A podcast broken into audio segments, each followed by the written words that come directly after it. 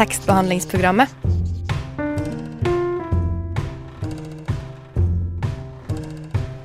Tekstbehandling på radio.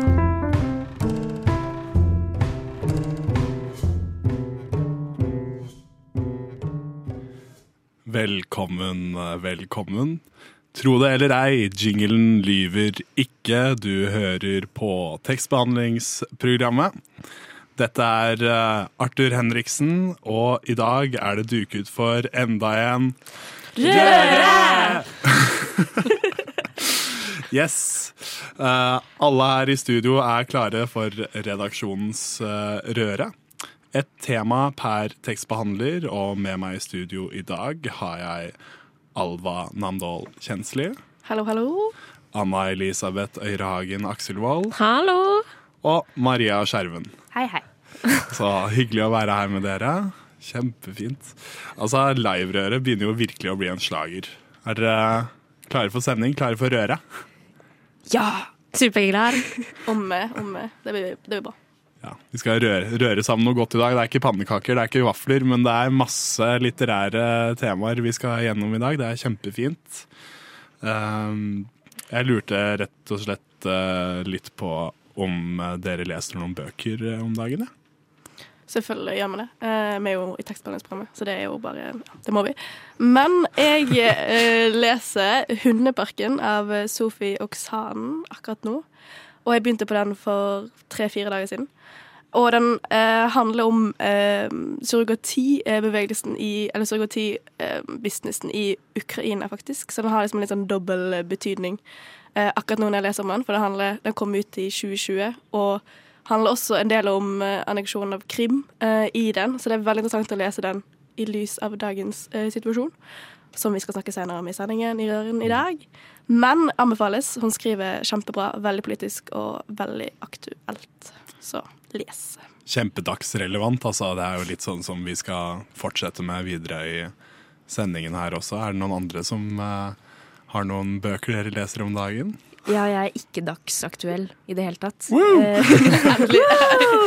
Takk Gud! Jeg, jeg, har endelig begynt å høre på Ringens brorskap. Å, deilig! Ja. Da liker vi. Nå mangler jeg bare 14 timer eller noe til for å høre den ferdig. Så ja, altså uh, Fellowship of the Ring. Mm. Soon there, Første. soon there. Veldig bra. Soon there, soon there. 14 timer igjen. Ja. Men på norsk? Engelsk? Engelsk. engelsk. Hør den på engelsk. Eh, Les opp av Andy Serkins, han som er uh, Gollum. Oh. Så det er faktisk veldig gøy. Han har vel ikke den oh. Jo, han, han leser sånn som Gollum gjennom hele boka. det er en new take på 'Ringenes herre' fra Gollum sitt perspektiv. Kjempefascinerende. Nei da. Det der er en real spin-off-serie. Spin-offen med Gollum, liksom. Og du får, se, ja, du får se det dårlige kjærlighetslivet til Gollum, liksom. Og han bare Ja, så bare ender han opp med å Ja exactly. du må ikke spoile, du må ikke spoile. Spiser rå fisk i, i elva, men han ja, bare ja. ja. Men du liker det? Du syns det, det, er bra opplest av uh, ja. Mr. Andy? Ja, jeg elsker jo 'Ringenes herre' og Tolkien generelt, så det kan ikke gå feil. Nei, det er, er litt vanskelig, det, altså. Og han er veldig flink, han mm. som leser Andy. Han imiterer egentlig de som spilte i Så for eksempel Pippin har en skotsk aksent som, som, skuespilleren. Ja. Det er veldig interessant. Second dinner. Second dinner. det er nesten som en sånn teater. Ja, det er litt sånn radioteater, ja. Så det er veldig gøy. Storkos meg. Det er supert. Jeg, um, jeg snakka jo litt om på den uh, i klassikersendingen vår at jeg skulle begynne å lese Lolita. Så jeg driver og leser Lolita om dagen. Og um, jeg, ja, jeg føler jeg alltid får veldig mange sånn dømmende blikk når jeg sier at jeg elsker boka. Å, du elsker den? Ja, jeg elsker den. ja, Apropos. Det er lov.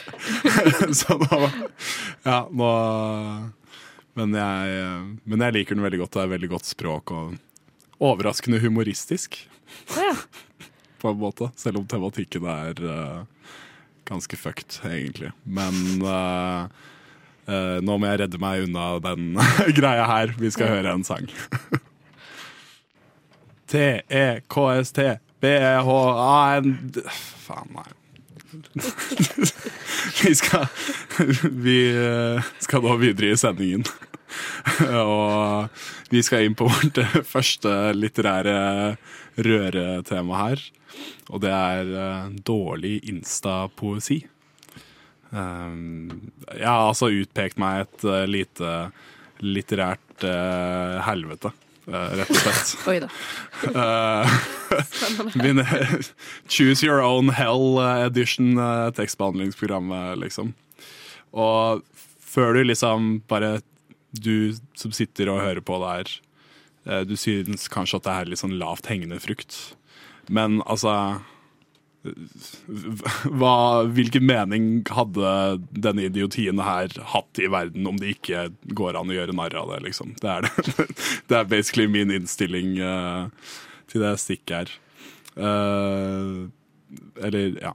Hva tenker dere når dere hører dårlig Insta-poesi? Hva er det liksom som bare dukker opp i hodet, da? Tenk at uh, i dag driver vi visst med offentlig refs på liven. jeg er spent på hva du har kokt sammen. Jeg til.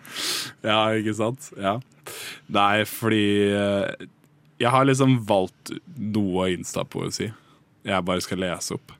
Og ja, det er litt refs, da. Men uh, jeg tenker jo at vi skal snakke en del om kultur og liksom, debatt om sensurering og sånn. Og jeg tenker at uh, en konsekvens av at man uh, putter uh, kunst ut i den store eteren, er at den blir sett på, av, sett, på med litt sånn skråblikk, da, i hvert fall. og liksom det er spesielt noe jeg sikter til når jeg sier dårlig Insta-poesi, og det er den 'du er bra nok' poesien. har dere noen relasjon til uh, sånn her 'du er bra nok'-poesi? Ja, dessverre. Uh, så har jeg det. Jeg bare, jeg bare, ser for meg sånn en setning 'du er bra nok som du er'. Det, altså, det er alt som står. Jeg sier sånn Åh, må jeg se dette her på Instagram hver dag? Jeg får opp på sånne forslag, så skjønner jeg ikke helt hva algoritmen har tenkt, om det er det jeg liker. Men ja, ja. Jeg får ta det. Men, eh, ja, men føler du liksom at uh, når du blir fortalt at du er bra nok av en tilfeldig person på internettet, at det uh, treffer deg veld, veldig, liksom? Ja, Det gjør dagen min. Det gjør dagen min. ja. har det over, hengende over sengen hele tiden. Så det, ja. Mm. ja, det er liksom Tenk da hvis sånn Nei, jeg bare tenker sånn Tenk om Putin for eksempel, hadde kommet over den poesien her og bare 'Du er bra nok, Putin'. Sånn, du trenger ikke å være noe bedre enn det du er, liksom. Du er helt, helt perfekt akkurat som du er. Det er litt sånn uh, Jeg ser på det. Men uh, det er jo liksom Jeg føler det bare er sånn definert av sånne derre linjer som bare er totalt uten rytme og metafor og symbolikk og og eleganse. Og det, det, det som er litt sånn pet-piven jeg har, er jo at det liksom ikke er noe særlig følelse i det, på en måte. At det bare er sånn masseprodusert, liksom. Altså, det, det blir jo bare knekkprosa, liksom. At du mhm. tar en setning, og så bare tar du den på ny linje. Det er på en måte bare det. Ja, ikke sant. Ja, det, her, det, her, er poetisk bare for at, har, for at jeg har brukt trykka enter på, på tastaturet, liksom. Ja. Um, og det som irriterer meg, er at det er så populært. Det er så populært. Det får så mange likeklikk og det får så masse Gir ut bøker på bøker om det, så er det sånn wow. Stopper det aldri.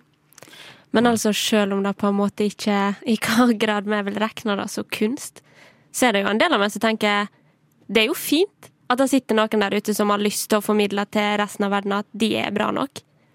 Det er jo et eller annet fint med det òg. Tanken bak det er jo fin, selv om det som blir presentert, kanskje ikke er så vakkert og poetisk som en skulle trodd at det kunne være, da. Ja, Så du ønsker vel ikke at det skal være en sensur på instapoesi, Arthur? Jo, nå oh, ja. Vi skal rett i gulagen. ok.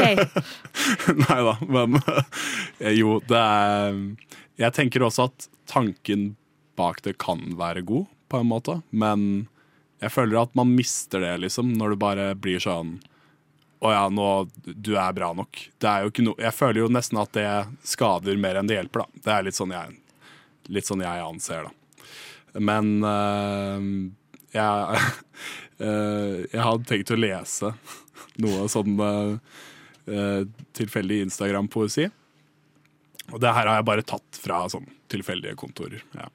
Så um, ja. Har dere lyst til, lyst til å høre? Kjør på. Kjør på. Ja. OK. Du er linjedeling. Bra linjedeling. Nok som linjedeling. Du er Knipstudenten. ja Føler dere dere er empowered nå, liksom? Bestille. um, OK, greit. Jeg kan, gå, jeg kan gå litt OK, jeg kan gå litt videre. Tørr elske. Tørr med to r-er, altså.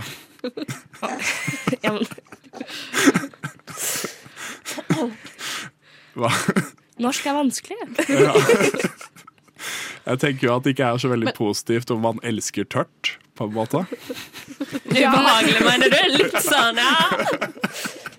Men det, det er jo veldig ærlig at man forveksler de to. Jeg gjør det ofte selv. Om å sjekke på Google. Altså, Ja, men da har du sjekka, da. Det er kanskje det som er forskjellen. ja, jeg hadde kanskje sjekka før jeg hadde lagt ut. Beklager til deg der ute. Men var det bare det som sto? Er det Eh, hele, hele setningen? Det var, det, ja, det var, det var en linje i, eh, i ja, dikt, ja. Ah, OK. ok. Mm. Ok. Men- Og så ble det liksom oppfølgt med tørr flere ganger med to r-er. Ja. Eh, ok, Og så har jeg et uh, litt mer ja. Det er jo mye som skjer i verden nå, og jeg kan jo skjønne at eh, alle egentlig har glemt at korona var en greie. Men jeg har også lett fram et uh, antivax-dikt, så det har jeg gjerne lyst til å lese for dere. Eh, honest, they imposed a weird task to wear that bloody mask. About it, nobody did ask. People with it do happily bask. Lungs soon become dusky, and voices harshly husky. Without vodka or whiskey. Tror dere liksom at Tror dere at helsa blir bedre når man drikker vodka og whisky? Det er liksom det jeg tar ut av det her, først og fremst. Jeg tror ikke det hjelper så veldig mye. Jeg tenker at hvis du oppriktig tror det, så bør du sensureres.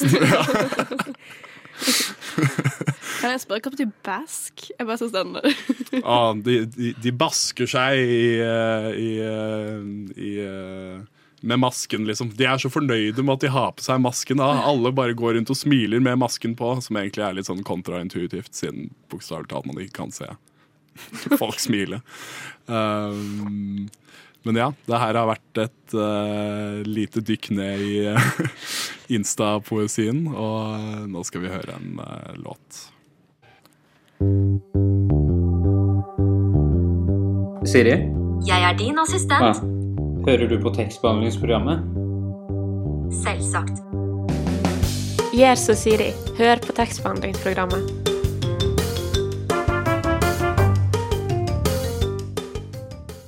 Da var det endelig min tur. eh, og, og jeg tar tilbake den der dagsaktuelle jeg snakket om i, i stikkfførste um, introen i dag. Fordi jeg vil gjerne snakke om boikotting av litteratur, og egentlig generelt av eh, kulturlivet. Um, fordi boikotting på den ene siden, så er jo det et veldig veldig klart budskap man kan bruke for å si sånn at krigen i Ukraina, det er ikke greit. Det støtter vi definitivt ikke. Men også på den andre siden så føler jeg også at det kanskje akkurat er nå man trenger åpen, en åpenhet rundt i både litteraturen og i kulturlivet. Og at en fort kan glemme liksom, de langsiktige konsekvensene av å boikotte kulturlivet, som man eh, snakker om nå eh, med tanke på Russland. At man stenger på en måte kommunikasjonskanaler. Um, og det jeg lurer litt på, er deres syn på egentlig boikotting av litteratur og kulturlivet generelt.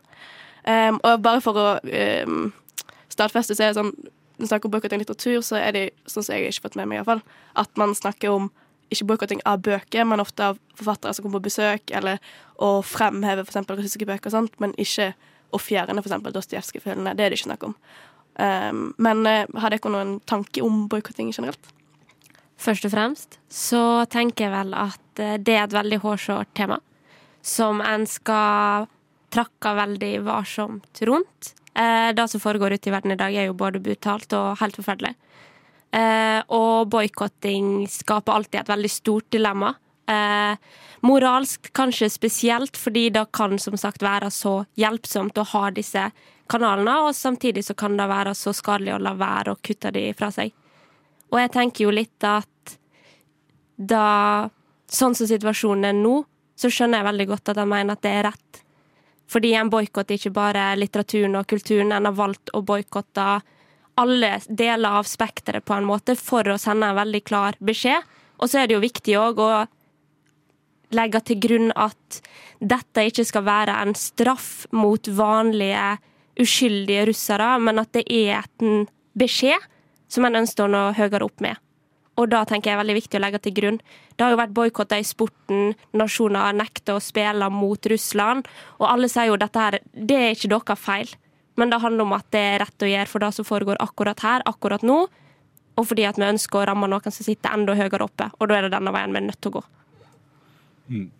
Ja, jeg, tenker jo litt sånn at hver eneste gang kultur blir boikotta, så er det den summa summarum negativt. Um, det er i hvert fall det jeg føler, fordi jeg tenker alltid at kultur forbedrer eh, samfunnet vårt, på en måte. Eh, og jeg føler liksom at uh, for eksempel da noe, noe som hadde blitt boikotta, uh, som kunne kanskje vært inspirerende da, for, uh, for det russiske folket. Og jeg tenker jo liksom litt sånn at mye av det som må skje for at på en måte den situasjonen som foregår i dag, skal slutte, så må det skje innenfra, på en måte. Jeg mener jo liksom at det må liksom at uh, det må ramle innenfra hvis det skal være, ha langsiktige positive uh, positive implikasjoner, da. Så jeg tenker jo liksom at kultur er ekstremt viktig for å hjelpe til med inspirasjon til det, da. Men eh, det er jo, ja. Ja, jeg er veldig enig i det du sier, begge dere to, egentlig. Også at det er et veldig vanskelig tema, og det er en litt sånn knivsegg man, man, går på. Men jeg tenker også at det finnes andre måter å, å vise sin avsky Vise på at, en, en, uh, at man er veldig imot krigen på. Eksempel demonstrasjoner, andre um, måter å gjøre det på enn å boikotte, fordi jeg føler det er en veldig sånn uh, Man er midt i det nå, man tenker veldig kortsiktig. Um, og jeg er litt redd for at den kortsiktige tankegangen virkelig kan um, skade liksom, vårt forhold til russere i framtiden. Og det er jo nabolandet vårt. Og eh, jeg tror når det kommer en dag, håpentligvis når krigen er over, så kan det være vanskelig liksom, å opprettholde et bra forhold til russere, vanlige russere, som er folk som oss, som er nabo, naboene våre. Um, og det syns jeg er litt skummelt. Man er litt sånn jeg skjønner det, at man tenker hvordan det er og jeg skjønner symbolet bak det, men jeg bare er litt redd for at man ja, gjør litt for fort.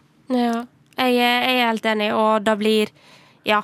Eh, det blir jo på en måte én ting om gangen, og så har han hatt mange kriger i historien før hvor han ikke har klart å stått opp og hjelpe til når det trengs i ettertid, og så har det egentlig bare rakna på nytt og på nytt. Og da må jo være målet ikke skal skje denne gangen. Men samtidig så blir det litt sånn som Arthur sier, da, at hvis du skal få kan du få et opprør innad i Russland uten at de uskyldige føler seg urettferdig behandla? Det er jo et veldig godt spørsmål, og det føler jeg kunne diskutert i evigheter langt i tid. Men så tenker jeg også det kan jo faktisk gå andre veien, med at man um, ved å boikotte alt av på en måte vestlig litteratur og musikk og kultur og alt sånt, så eh, man, kan russere være sånn OK, men da har vi ingen ingen poeng for oss å gå til Vesten lenger. Vi blir ikke tatt imot på noen som helst måte, ikke på noen som helst arena.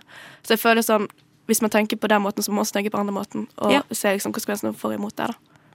Jeg tenker jo også at hvis man på en måte gjør det på den måten, så blir jo ikke Hvis man boikotter kulturen til Russland, så kommer jo ikke det til å ende opp med at Russland blir sint på Russland, tenker jeg da. For at det er jo, Putin har jo mye støtte, liksom. Det er jo ikke sånn at alle russere bare er imot Putin. Og da kommer det jo på en måte til å bli vinkla som Oi, ser dere hva Vesten gjør med det daglige livet deres, liksom? Det er jo sånn det blir vinkla der. Vi sitter jo med et, et perspektiv herfra, liksom, som er liksom Ja, det her er det vi anser, men vi vet jo ikke på en måte hvordan folk i Russland uh, anser disse forskjellige tingene her. Da. Så det er jo veldig, ja, veldig sammensatt tema, og jeg tror at vi kommer til å uh, fortsette å prate litt mer om noen av de samme tingene i, uh, senere i sendingen. men før det så skal vi høre en sang.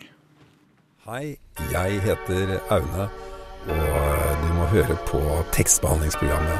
Fordi kunnskap og viten, det er det mest vidunderlige på denne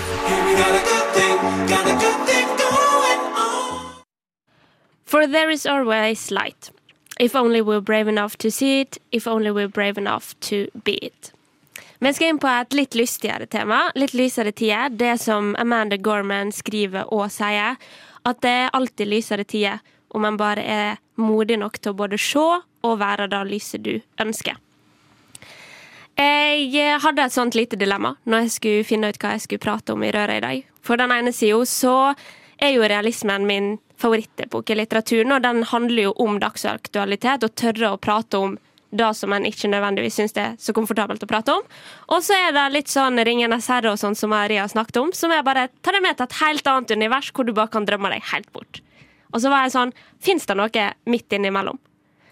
Og så hørte jeg på røresendingen vår fra i høst, og så husker jeg at Maren tok opp The Hill We Climb av Amanda Gorman. I en helt annen setting, vel å merke. Men så var jeg veldig sånn ah, det er litt midt imellom. Det er veldig dagsaktuelt. Det er superviktige tema, samtidig som hun skriver på en så drømmende og vakker måte at det blir litt begge deler. Og grunnen til at jeg tar det med hit i dag, er jo litt for å fortsette på det Alva òg prater om, nemlig den vanskelige situasjonen som verden står i i dag og krigen som ikke er så langt herifra, hvor det er død og elendighet hele tida. Og da tenker jeg at kanskje det er ekstra viktig å huske da at det finnes lysere tider, men en må være modig nok til å på en måte gå de i møte. Og akkurat når vi prater i lag nå, så er det jo millioner av modige folk som går i krig i Ukraina, nettopp fordi at de ønsker å kjempe for en bedre framtid. Og jeg tenker sånn, Litteraturen er jo en veldig, veldig viktig kanal for å nå ut og få sagt disse tingene, både om dagsaktuelle situasjoner, men òg kanskje fordi at det ikke er så hardt. Media er så hardt. Du oppsøker media fordi du har lyst til å vite hva som skjer her, du har lyst til å vite hva som skjer nå. Men oppsøker du litteraturen, da blir det litt mer på avstand. Kanskje det er litt lettere å ta det inn over seg. Hva tenker dere? Jeg tror det er fint at å ha noe Det er veldig sant, det. Og det er for litt samme tilbake igjen det vi snakket om boikotting av litteratur. Altså sånn, jeg føler med en gang man boikotter den delen, så boikotter man også akkurat den, det du sa, denne, denne softheten litteraturen også kan gi, men også det store slagkraftet det faktisk kan ha når det er noen tekstlinjer som virkelig, virkelig treffer. Um, og jeg tror definitivt at i en tid som nå, så trenger man både de harde nyhetene, men også litteraturen på, på siden. Og jeg, ja, jeg syns det er veldig interessant å ta dette fram som en, som en, tematikk, og også at det passer veldig bra det akkurat det vi snakket om. Det Hva det jeg lurer litt på, liksom, det er sånn hvordan Amanda For at jeg så, jeg så The Hill We Climb uh, under Biden sin inauguration. Og det jeg på en måte lurer litt på angående Amanda Gorman, det er på en måte hva ditt perspektiv på hennes positive framtid er. Hva den på en måte består av, eller hva, hva vi som uh, mennesker må gjøre for å liksom finne, finne lys i enden av tunnelen, da. Det som eh, Amanda Gorman fokuserer på, og det jeg syns er så viktig, eh, og som nok generelt står veldig sterkt i Vesten, er jo at hun tar demokratiets side. Og så sier hun at skal vi, skal vi få etter dette, skal vi komme tilbake igjen på sporet, skal vi gå lysere tid i møte, så må vi gjøre det sammen. For sammen er vi sterkere. Vi må slutte å dele oss. Vi må slutte å øke forskjellen mellom fattige og rike. Vi må slutte med diskriminering. Vi må slutte med rasisme. For hva gjør da noe som helst? Altså, hva gir det til noen av oss? Skal vi på en måte komme på rett spor, ja, da må vi gå i lag om det. Som et kollektiv. Og da tenker jeg òg at det reflekterer litt situasjonen i dag. Fordi om en skal ta ut noe positivt i situasjonen i dagens samfunn og rundt om i verden, så er det jo at folk over hele verden faktisk har klart å organisere seg og sagt hva de mener. De står i USA tusenvis og protesterer på det som skjer på andre sida av havet, fordi de syns det ikke det er fair, det er ikke greit, og vi bryr oss. Ja. Eh, jeg begynte å tenke liksom når du sa Det første jeg tenkte på når du sa å, vi har klart å organisere oss, var sånn i forhold til korona. tenkte jeg, da. Det var det første jeg tenkte på når du sa det. Men er det en litt slags sånn Blir det feil å sammenligne med John Lennons Imagine på, en måte? At det skal være en sånn utopisk eh, virkelighet hun sikter til? Helt feil blir det jo ikke, på en måte. Det blir jo litt sånn det samme. Eh, men det er jo Bunnrøttene i virkeligheten blir jo på en måte det eneste som er litt annerledes, men de sikter jo veldig mye til det samme. Ja. En bedre virkelighet, en bedre framtid, på en måte. Er ikke liksom ideen av utopi Altså, jeg tenker jo på en måte at at alt skal At vi alle skal på en måte danse.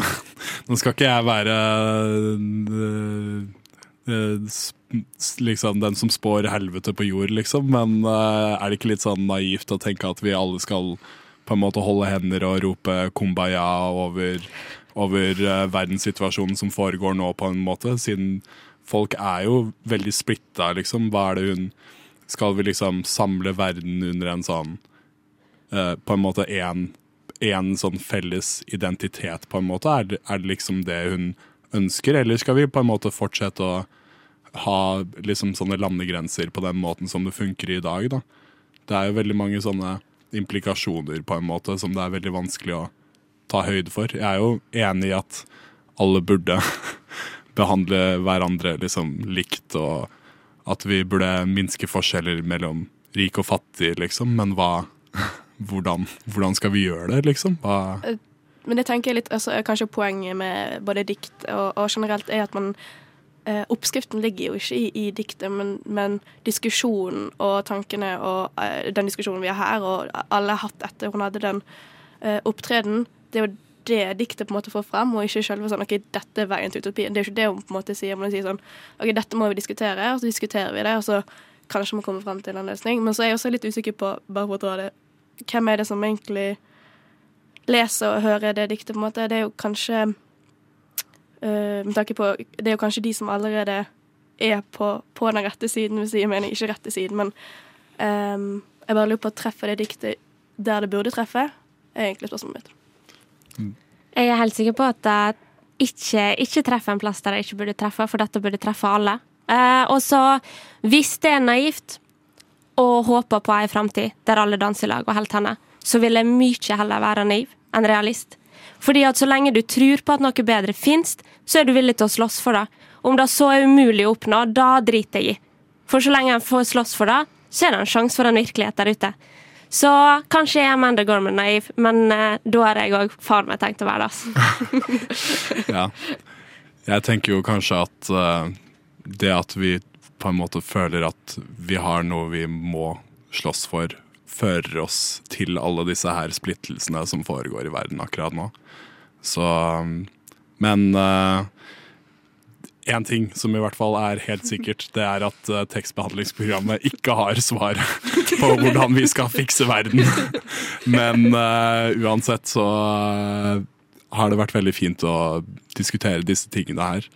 og nå skal vi høre en sang.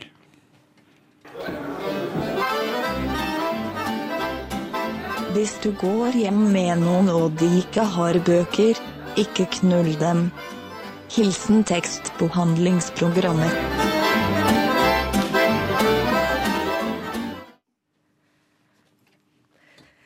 Nå skal jeg endelig snakke om noe jeg har gleda meg veldig til å snakke om. Ok, Så nå har det jo vært litt eh, jeg, skal, ikke si negativt, men altså Det har jo vært en litt seriøs tone nå her i studio når vi snakker om det dagsaktuelle. Så jeg har tenkt å bryte helt fra det. Endelig! Takk og lov. Ja. Du kom innledningsvis her med den der negativiteten din, eh, Arthur, og nå vil jeg bryte fra den. Fordi dette er min første livesending, så nå min første røre, så nå er jeg klar for å snakke om min favorittbok. Min favorittboktrilogi. Yes. Og det er trommevirvel His Dark Materials av Philip Pullman. Det Har noen hørt om den, eller? Ja. Ja. Alle har hørt om den? Mm, yes. Ok. Det er veldig bra, for den har en HBO-serie som eh, har gjort det ganske bra. Og så har den en film fra 2007 som ikke har gjort det bra. den var dårlig. Nei da. Eh, jo da. Eh, Denne bokserien er da skrevet av Philip Pullman. Eh, kom ut på 90-tallet en eller annen gang. Og det er jo da den typiske litt sånn young adult eh, fantasy. Litt sånn Man tenker kanskje med en gang Hunger Games. Det er jo ikke fantasy helt, da. Mer eh, dystopi. Men eh, man tenker sånn å, Harry Potter og litt sånn, og så tenker man at, det er litt sånn annenrangs litteratur på en eller annen måte. At det blir sånn barnelitteratur. Og det syns ikke jeg noe om. Jeg syns at Ja, men jeg syns det er så teit at liksom noen typer form for litteratur Altså, dårlig instapoesi er jo én ting, men at man skal se på noen bøker og være sånn Ja, men det er ikke like bra, for det er eksempel tenkt for, for barn. Og det er sånn overnaturlig, og det er ikke ekte. Må det være ekte for at det er bra, liksom? Det blir, det blir jo litt sånn som når man bare Å ja, det er en romcom. Det- De suger jo uansett. Det er jo et veldig snevert eh, perspektiv å ha. Ja. Så For det som er greia med His Dark Materials, er jo at eh, det er i en annen dimensjon. Det er vår verden, men den er ganske Den har noen likheter som gjør at man kan kjenne det igjen, men så har den også noen ulikheter som gjør at man er litt sånn OK, det er litt rart. Det, det er på en måte satt litt fast i en slags sånn 50-60-tallsversjon av vår verden. Sånn at de har jo f.eks. ikke mobiltelefoner, eller noe så enkelt som bil, eh, bilbelte har de ikke. Men de har f.eks. veldig mange luftskip. Zeppelin er en veldig vanlig framkomstmiddel i, det, i denne verdenen. Og det som kanskje skiller seg aller mest ut, er at i His Dark Materials-verden så har de noe som de kaller for demons. Uh. Oi, så skummelt. Hva er det? Er det eh, de derre skumle Hva heter de i Harry Potter igjen? Desperantene. Desperanter? Er det det? Nei, det er det ikke. Demons er rett og slett en persons uh, sjel. Deres uh, hva skal man si, indre, som blir manifestert som et dyr. Men det er ikke et dyr, det er en demon, og det kan man se forskjell på. Da. Det er en slags sånn generell forståelse at nei, en demon er ikke et dyr, man kan se forskjell. Og disse blir da på en måte satt eh, Hva skal man si eh, Blir endelig satt fast som et spesielt dyr når man er ferdig med puberteten.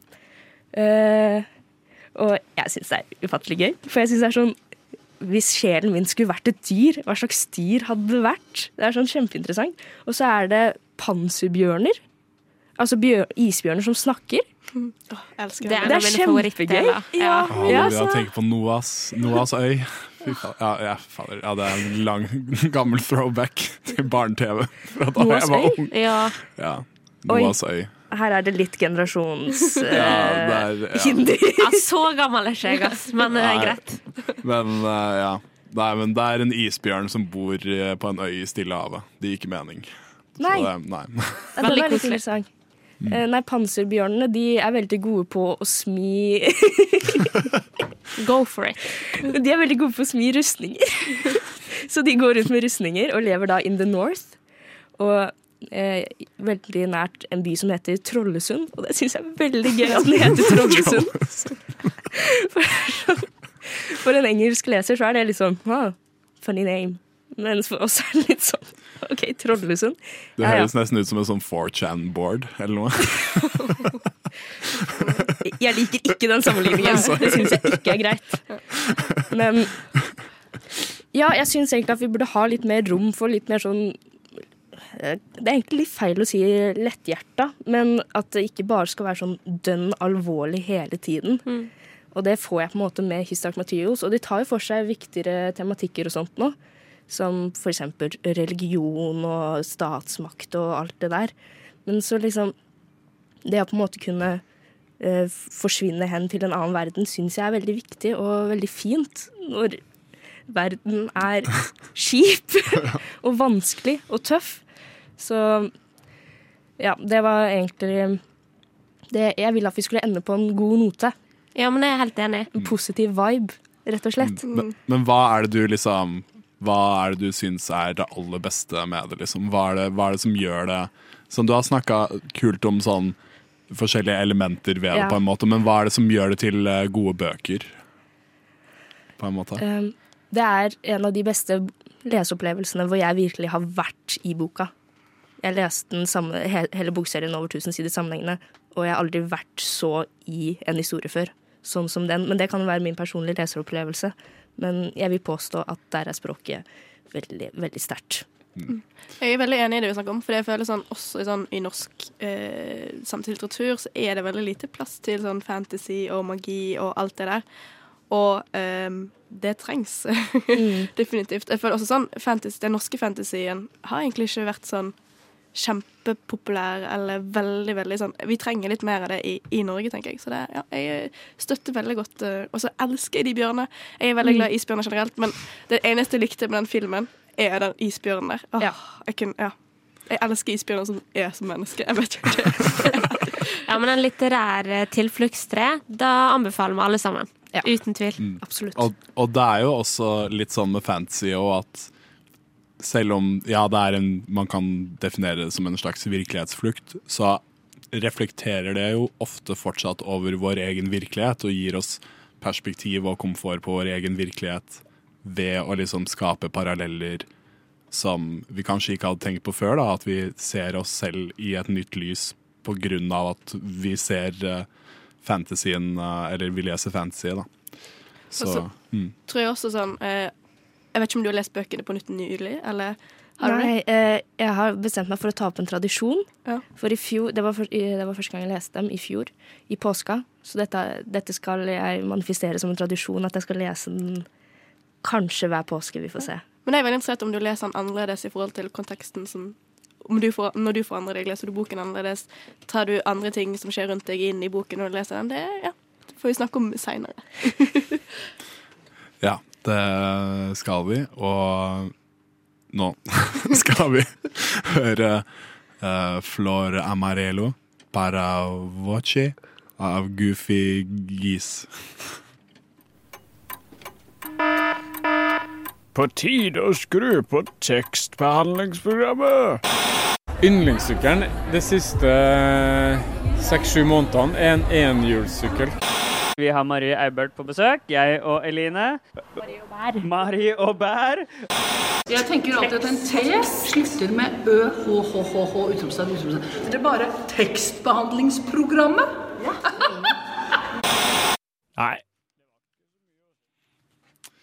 Ja, vi er nå ved veis ende i denne røresendingen. Altså hvis, hvis, vi skulle laget en vaffelrøre ut av den sendingen her, hva, hvordan tror dere de vaflene hadde smakt da? Litt, uh, litt forskjellig? litt forskjellig, kan man si. Vi har vært innom uh, på det meste her, uh, rett og slett.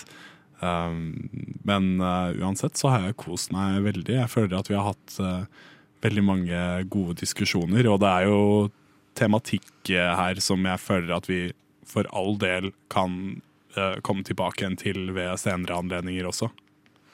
Definitivt. Jeg tror det trengs også. Ja, jeg føler vi fikk, vi fikk en smakebit, men uh, vi kommer tilbake. Mm -hmm. Håper jeg. Ja, vi uh, Vi er ikke ferdige nå. Nei. Jeg føler at vaffelen hadde vært litt grå, jeg. litt grå og trist. Vært litt grå vaffel. Ja. Med litt vaniljesmak, kanskje. Med en sprinkle av uh, blåbær uh, på toppen, kanskje? Ja. ja. sprinkle av blåbær. Ja. Uh, ja, en liten Ja, kanskje. OK, greit. Melis, da. Melis. Melis. Ja. En litt kritisk vaffel også, hvis man tenker tenker på. Men de hadde vært litt tørre også. Litt, tør litt, tørre vafler. Men jeg hadde uansett elska de. Så det men uh, mm, mm, Tørre, ja. grå vafler. Mm. Men uh, iallfall så har dette her uh, vært uh, tekstbehandlingsprogrammet. Det har vært den tredje røren vår. med meg i studio så har jeg hatt Alva Namdal Kjensli, Anna Elisabeth Øyragen Akselvold og Maria Skjerven. Og, og, hvor er det vi kan eh, høre på tekstbehandlingsprogrammet, Anna? Hvor enn du ellers kan høre på alle annen form for podkast, så det er ingen grunn til ikke å lytte. Nei. Og naturligvis også fra klokken ti til klokken elleve på onsdager her på Radio Nova. Dette her har vært eh, Arthur Henriksen. thank